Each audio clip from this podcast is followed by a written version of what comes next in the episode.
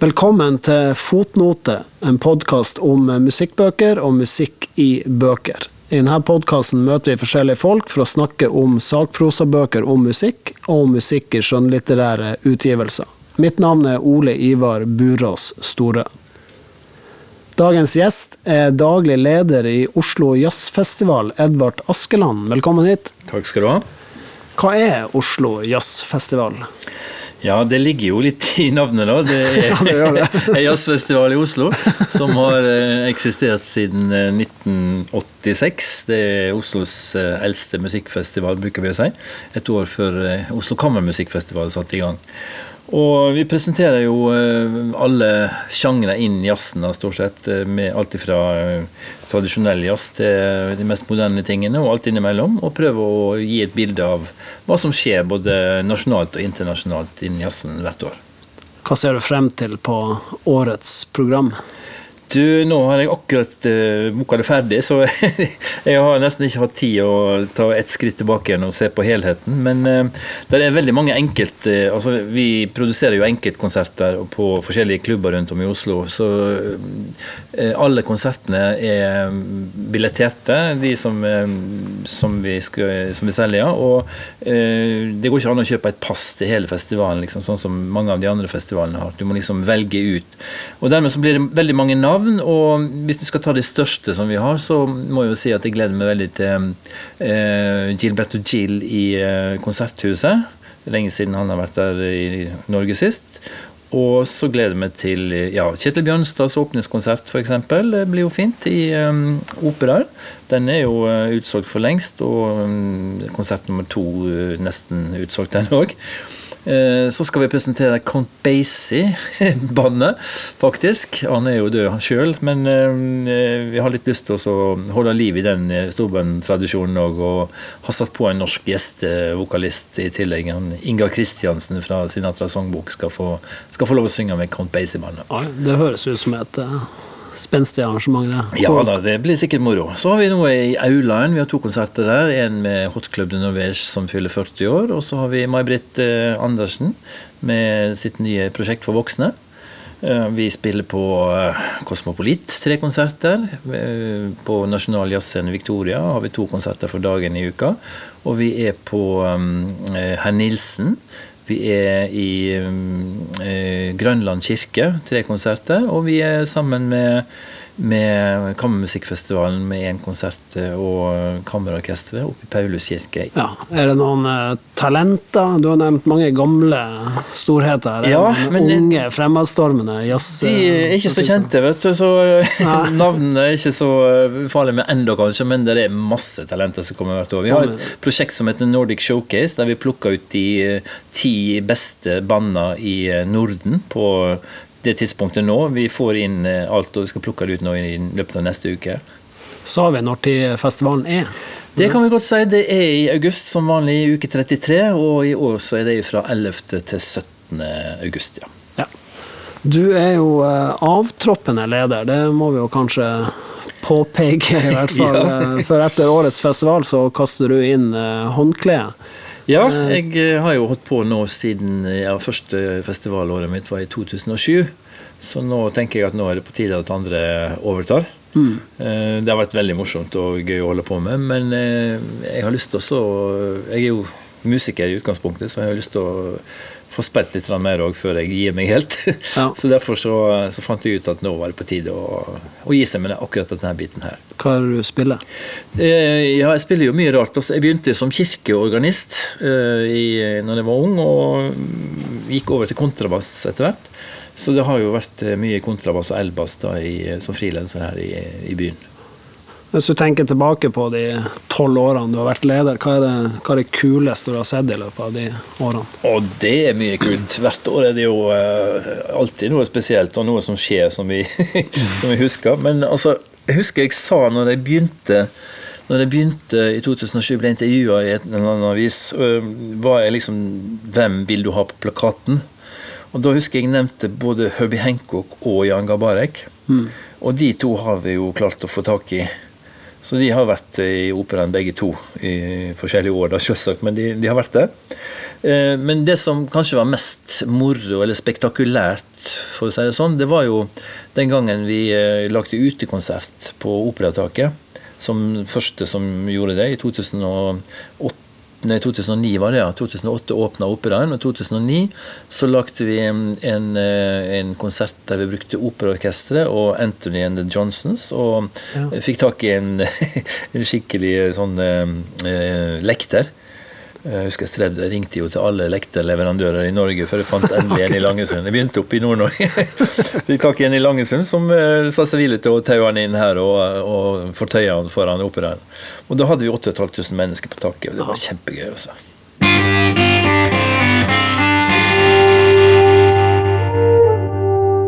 Jeg hadde en eh, veldig god leseopplevelse med den boka du har eh, valgt å trekke frem her i dag.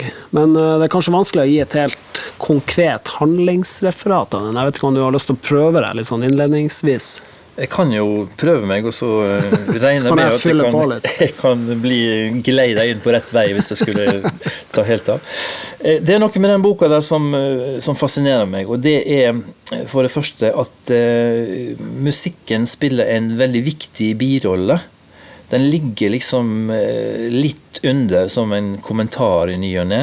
Uh, men samtidig så er boka, sånn som jeg oppfatter den, skrevet veldig kontrapunktisk. Hvis du tenker deg at det er fire, fire, forskjellige hovedpersoner her som har et liv som strekker seg fra, fra A til Å.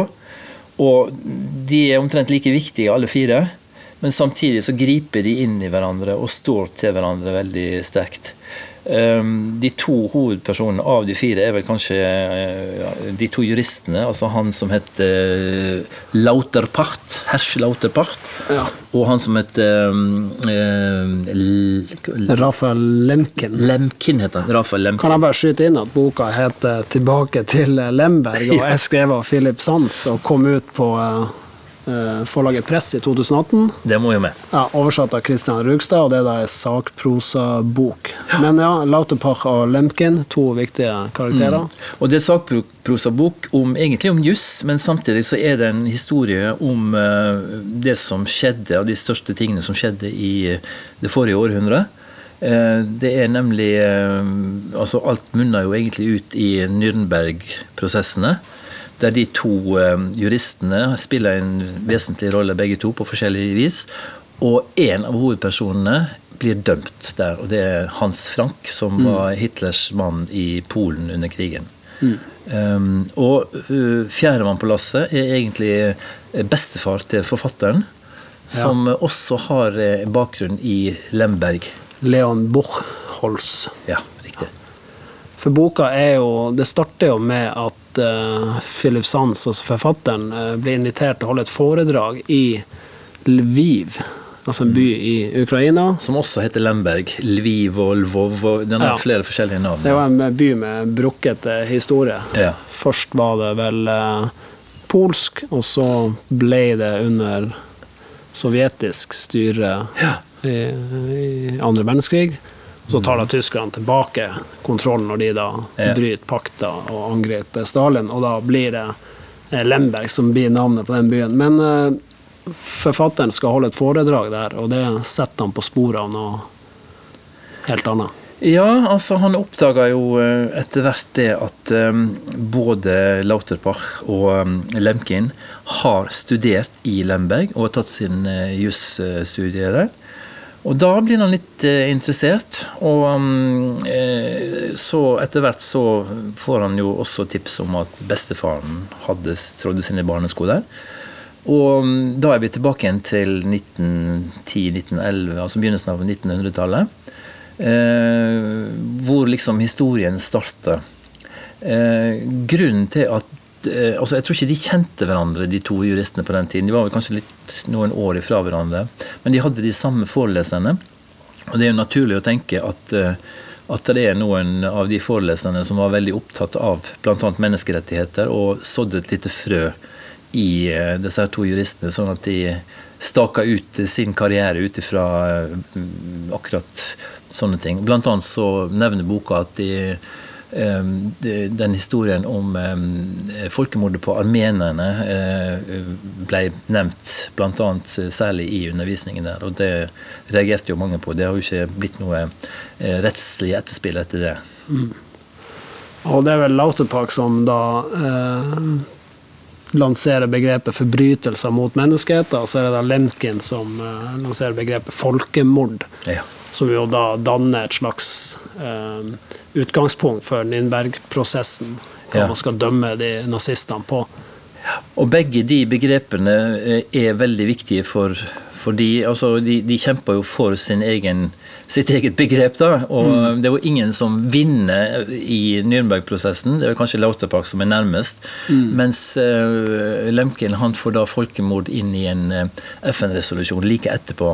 Ja. Sånn at begge, begge, begrepene er i bruk, og um, de ble jo brukt uh, så seint som i en prosess der også han forfatteren Philip Sands spiller en liten rolle, nemlig i i eh, rettsoppgjøret etter Rwanda og mm, fengslingen av rettssaken mot Pinochet. Mm. Sånn at i nyere tid så, så har jo eh, de begrepene spilt en praktisk rolle også, også etter når Slobodan Milosevic ble, ble dømt. Mm. Så er de jo litt ulike typer. Altså, slik jeg leste, så er Lauterpach en mer sånn eh, ja, kanskje den som har det bredeste nettverket og størst integritet. og mm. Litt mer rolig, mens Lemken er mer intens og blir litt sånn tilsidesatt i, ja, i denne prosessen. De, de var, forskjellige typer. Eh, Lauterpacht han var veldig glad i musikk. Og der kom jo musikken inn òg. Han gifter seg jo med ei eh, palestinsk pianistinne. Og mm. det er grunn til å tro Han kunne ikke spille noe særlig sjøl, men det er grunn til å tro at han hadde et veldig nært forhold til iallfall ifølge boka, nært forhold til både Bach, Beethoven og flere av de klassiske komponistene. Mm. Og hørte mye på musikk, hadde grammofon og sånt. Mens eh, Lemkin, han, eh, han, han var ikke gift. Det er en fantastisk historie i boka når han flytta når han flykter For begge flykta jo fra eh, nazistene under krigen. De var jo jøder. Mm. Eller tidlig under krigen. Og, og Lemkins sin historie når han flykta til Amerika, er jo via Sverige og så tilbake igjen til eh, Litauen og gjennom Moskva og hele turen til Vladivostok og, og båt over til, til eh, Amerika. Ganske noen måneder på, på reise. Mm. Så, så, det var ikke bare bare å, å komme seg Og helt blakk sant, og uten kontakter. Han hadde én kontakt på et universitet, eh, jeg tror det var i North Carolina, eller et eller annet sted, som, han, som hjalp han, som han hadde kommet i kontakt med tidligere, som hjalp han sånn at han fikk seg jobb. Mm, Slauterpark han er jo venn med utenriksministeren til USA på den tida her. Ja da. Han er liksom den som er, er mest etablert og har eh, kanskje størst, eh, den største rollen i, i Nürnberg-prosessen også, og blir ja. lytta mest til. Ja. Men, men, det er ganske interessant, i og med at de, de var jo for så vidt de spilte en veldig viktig rolle begge to, men, men de var konkurrenter samtidig. Ja. Og de sloss om, eh, om, eh, definisjonsmakten av begrepet. Altså, er, er, det riktig å kalle det et folkemord? Eller er det riktig at det er enkeltmenneskene som skal bøte for dette? Man skal ta utgangspunkt i det. Mm. Så det var, det var, juridiske problemer de stridde med. og det er jo, altså Jeg har jo ikke peiling på juss, jeg er jo ikke jurist, men det er veldig interessant når du, når du ser eh, ned i detaljene. Når du ser f.eks. at et komma i en setning kan avgjøre betydningen. Og det er, jo, det er jo det som er litt fascinerende med denne boka, her, at alle detaljene er så tydelig forklart. Og så eh, levendegjort at du, at du, du syns ikke det er kjedelig i det hele tatt. Jeg syns det er helt utrolig spennende lesing, og hvordan Sans Sands på ene sida tegner portrettene av de her eh, personene som er sentrale, men også hvordan han bruker dokumenter, filmopptak, bilder. Han intervjuer vel eh, barn av både yeah. Lauterpach og Hans Frank. Stemmer det. Og flere, og hvordan han da skaper den her ja omfangsrike, spennende historien. Eh, ja. Som er et dokument over um, krigshistorie. ja, det er det. Og det er jo, det er jo grusomhetene i nazismen som kommer fram via um, disse her personene og familien. De mista jo alle i sin familie, alle sammen. Uh, så det var ikke mange igjen etter utrenskningene. Og um, det groteske da i eh, Hans Frank, som, som hadde ansvaret for jødeutryddelsene i Polen Han er vel sånn generalguvernør i Ja. Han er ikke? han, han bodde i Krakow, i det der Vavelslottet, det svære slottet der. Og um, var i Lemberg og hadde noen foredrag og, og spredde litt kultur. Hadde noen klassiske konserter der og noen taler. Men, eh, men han, Hans Frank er jo eh, et, et av de mest groteske eh, personene du kan tenke deg i nazismen. Og til og med sønnen hans som blir intervjua, han tar jo avstand fra Han sa at mm. han prøvde å komme seg unna og sa at han var ikke skyldig. Først sa han var skyldig, og så sa han han ikke var skyldig. Men, men hans sønn han tar jo fullstendig avstand fra det. Han sa at han var kriminell, og han var ansvarlig for det han gjorde. Og bestefaren hans, eh, Sans, er jo også Han forteller jo veldig lite om fortida si. Mm. Det er òg en grunn til at Philip Sands ikke vet noe om det her før han faktisk begynner å grave. Ja. At, uh, Det tror jeg, altså eh, Mange av de som opplevde krigen, de, de, de vil ikke snakke om det. De vil gå videre. Mm. du må ta en litt sånn personlig historie. For at, um, der som jeg vokste opp, uh, så var en nabo som, som hadde vært med på, um, på invasjonen i Normandie på, med de amerikanske styrkene. Og han har jo sikkert opplevd det mest groteske som noen har opplevd. Sant? Og han ville aldri snakke om det. Ikke et ord. Det var ikke tale om. altså Folk ville liksom høre ja, hvordan var det under krigen, hva gjorde du der? Det var helt lukka. Det var liksom ikke mulig å få, få, et, eh, få ut et eneste ord om, om det. Det var liksom, det var en, en, et tilbakelagt eh, område. Det skulle aldri åpnes igjen. Det er mulig at man ikke vil gå inn i det, for hvis man først åpner opp, så vet man kanskje ikke hva konsekvensene for seg sjøl vil være. Det kan godt hende. Når det er såpass groteskt. Det, det er iallfall ganske, ganske ille når du, når du leser om det, iallfall i denne boka. her. Men det er skildra på en måte som gjør at du, du blir ikke sånn eh, altså Det er jo kjente historiske facts alt sammen. Eh, Men det er, ikke, det er ikke malt ut, liksom, så det, det blir ikke spekulativt på noen som helst måte. Det er, det er gjort med det for øye at man skal forklare det som har skjedd, og man skal prøve å få eh, rettferdigheten til å seire på et eller annet vis. Og så hadde de to juristene forskjellige måter å se på hva som er viktig. Er det folkemord, eller er det forbrytelse mot menneskeheten?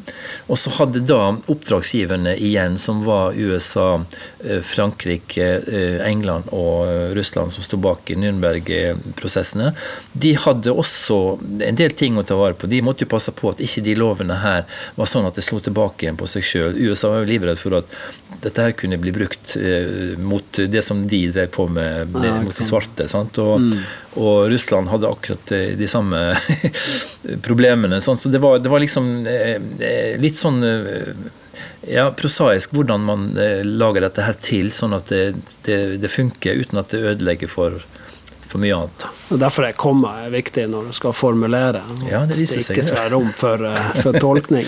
Ja, det viser seg. Eh, Så er jo, jeg syns jo den der eh, tredje delen da Nürnberg-prosessen kommer inn mot slutten jeg synes jo, eh, Selv om boka er veldig interessant før det, så syns jeg den biten er sånn ekstra interessant. Og det er måten han skriver på da, du får nesten en sånn følelse at du er til stede i den rettssalen der. Ja, det er veldig fortetting på slutten. Også. Og det, det er jo derfor jeg, jeg sier at dette er kontrapunkt. Altså, for at eh, Bach går igjen litt, og Bach eh, spilte masse da jeg var yngre. og Kirkeorgel og fuger og kanoner og alt mulig sånt. Der, der fire stemmer går mot hverandre, note for note. Og jeg føler at denne boka her er litt sånn òg, og det topper seg eh, Blant annet eh, så skildrer han jo det at eh, Hans Frank i fengselet han hører veldig mye på Matteuspasjonen, som Bach eh, skrev til en påskehelg i eh, han, jobbet vel han var vel i Leipzig, tror jeg, på mm, eh, ja, midten av 1700-tallet. Eller 1720, eller noe sånt var det vel.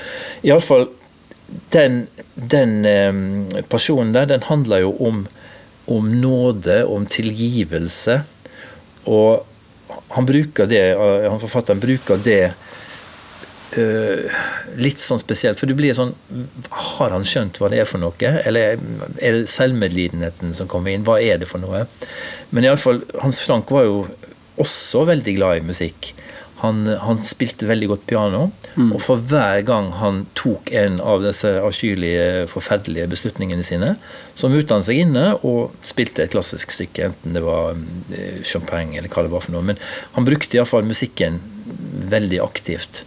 Ja. Og hadde et forhold til, til klassisk musikk, og mente jo det at, eh, at eh, den flotte klassiske tyske musikken, det var vår gave til, til resten av verden. Men det var jo ikke først og fremst eh, en kulturimperialistisk eh, eh, ideologi, men selv om det kanskje kom mer, i, mer på siden, da, kanskje, tror jeg.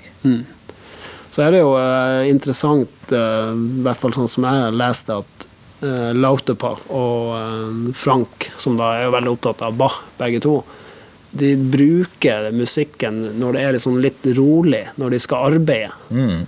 Lauterbach sitter der og skal klekke ut en plan for å kunne dømme Ja. typer som Frank, mens Frank eh, bruker musikken når han sitter og skal klekke ut eh, Ja. ondskap på det arbeidsverkstedet sitt. Ja. Men egentlig så er det vel forfatteren som, eh, som lurer oss her, og som, som Ja. sier at da bruker, da bruker han musikken. For det, det er jo det som er så genialt. Han bruker, han bruker musikken som en sånn slags underlag og trekker det inn for å dra historien videre. På, på mange måter. Altså, musikk, er jo, eh, musikk er jo Det taler jo til, til hjertet på en helt annen måte enn enn ord gjør. Sant? Og derfor, eh, jeg mener, Hører du en melodi med tekst, så er det jo teksten som tar deg. Hører du en melodi uten tekst, sant, så er det mye mer direkte. Ja. Så det er, det er noe med at um, den, den musikken som stort sett gjennom, uh, går gjennom denne boka, her, det er, det er musikk uten tekst. Ja. Men hvorfor er det litt sånn Hvorfor er klassisk musikk litt sånn antitesen til jazzen, ifølge nazistene? Det er fordi at jazzen er mer eh, fri og litt mer eh, Nei, altså jeg vet, ikke, jeg vet ikke om jeg skal kalle det for antitesen, men, men eh, det, er jo, det er jo to helt forskjellige måter å, å tenke musikk på. Mm. Uh, altså Klassisk musikk er jo komponert fra A til Å, der alle stemmene er skrevet ut, og du spiller det som står på notene. Det er det som gjør at det er klassisk musikk, og at komponisten har full kontroll over alle de forskjellige stemmene som til sammen gjør et musikkstykke. Mens eh, i jazzen så er det ofte, iallfall på den tiden, på, i mellomkrigstiden, så var det ofte en melodi, og så spilte Kompe ut ifra de akkordene som hørte til melodien, sant, og akkompagnerte. Sånn at eh, instrumentene hadde friere, friere form, friere De hadde større muligheter til å påvirke, og musikerne hadde større frihet.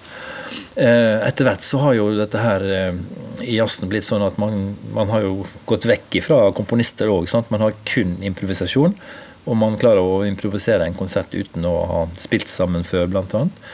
Det er ikke alltid det høres like fint ut, men i, alle fall i utgangspunktet så er det, så er det sånn at det, det er musikeren som bestemmer. Det er ikke, komponisten har mye mindre eh, kontroll over det ferdige resultatet. Det er vanskelig å få til en uh, jam med et uh, klassisk orkester. De har sikkert lyst, og det er jo mange av dem som spiller jazz òg, så det, det går sikkert an. Men, eh, men det er noe med, med at eh, i jazzen så dyrker man improvisasjonen.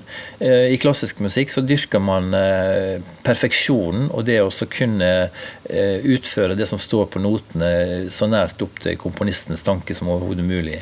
Og så stilles det kraftige og virkelig harde krav til intonasjonen, at det skal være rein, sant? og det tekniske skal være på plass.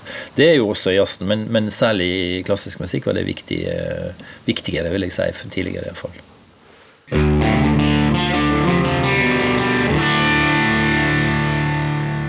Jeg hører egentlig altfor lite på klassisk musikk, men sånn, når jeg først hører det, så blir jeg alltid litt sånn Nesten bergtatt, på en måte. Altså det, det, det, går liksom inn, det røsker og river i det. Og så er det jo ofte i en kombinasjon med andre kunstarter òg. Det kan være kanskje i filmscener eller i ballett eller eh, også mer altså, type begravelser og bryllup og sånne ting òg. Jeg vet ikke hvilket forhold har du til klassisk musikk?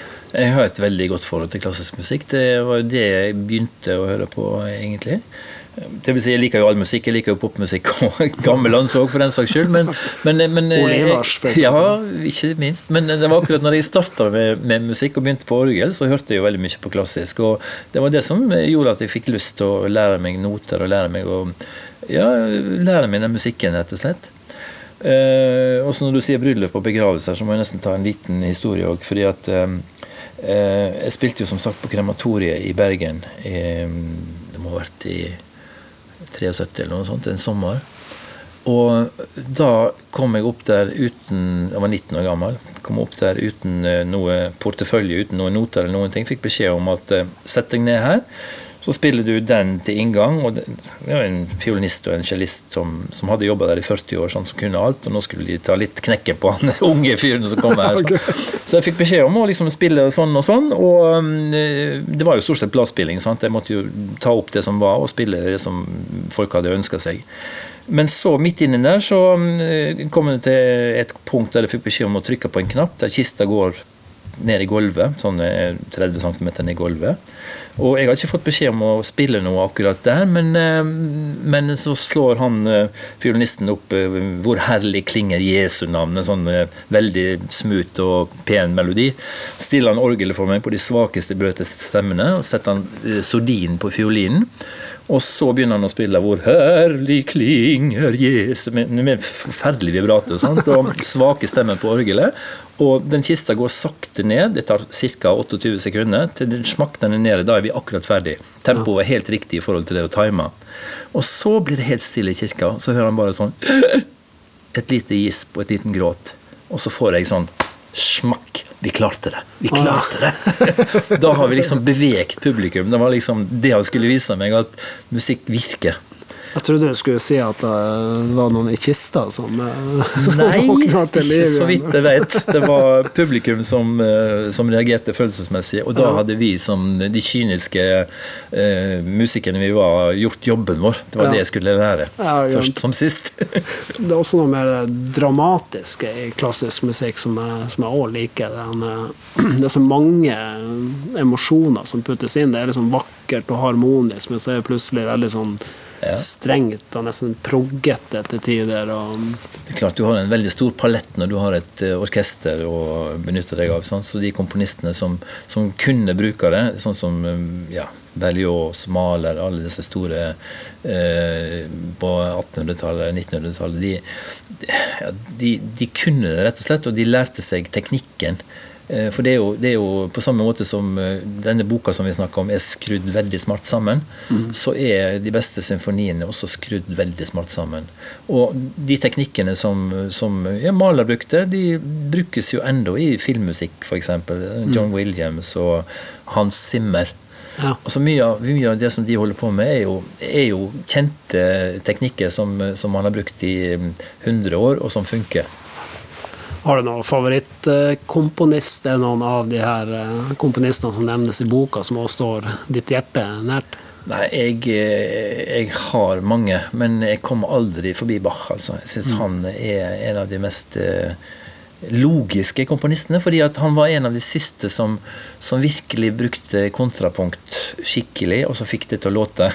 Etter hvert så ble det jo mer sånn at eh, ja, Beethoven og Det ble jo mer sonatesatsform etter hvert. og det, Dermed så ble ikke alle stemmene like viktige. Det ble, melodien ble viktig, og så ble akkordene eh, satt på etterpå, liksom.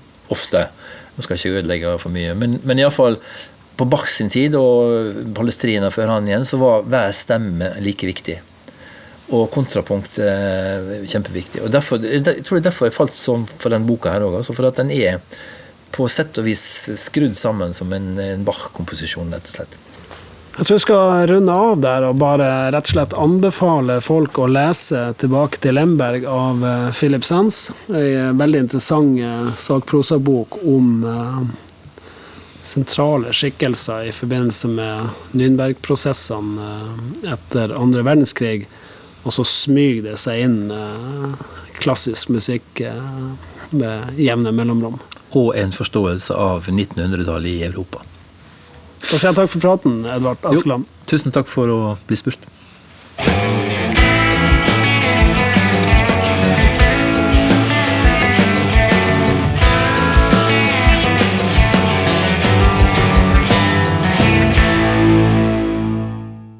Fotnote presenteres av musikknyheter.no og er laga av Ole Ivar Burås Store. Jingles av Jan Roger Trønnes. Intro og redigering av Raymond Jensen. Les mer om fotnote, gjestene, bøkene og artistene på musikknyheter.no.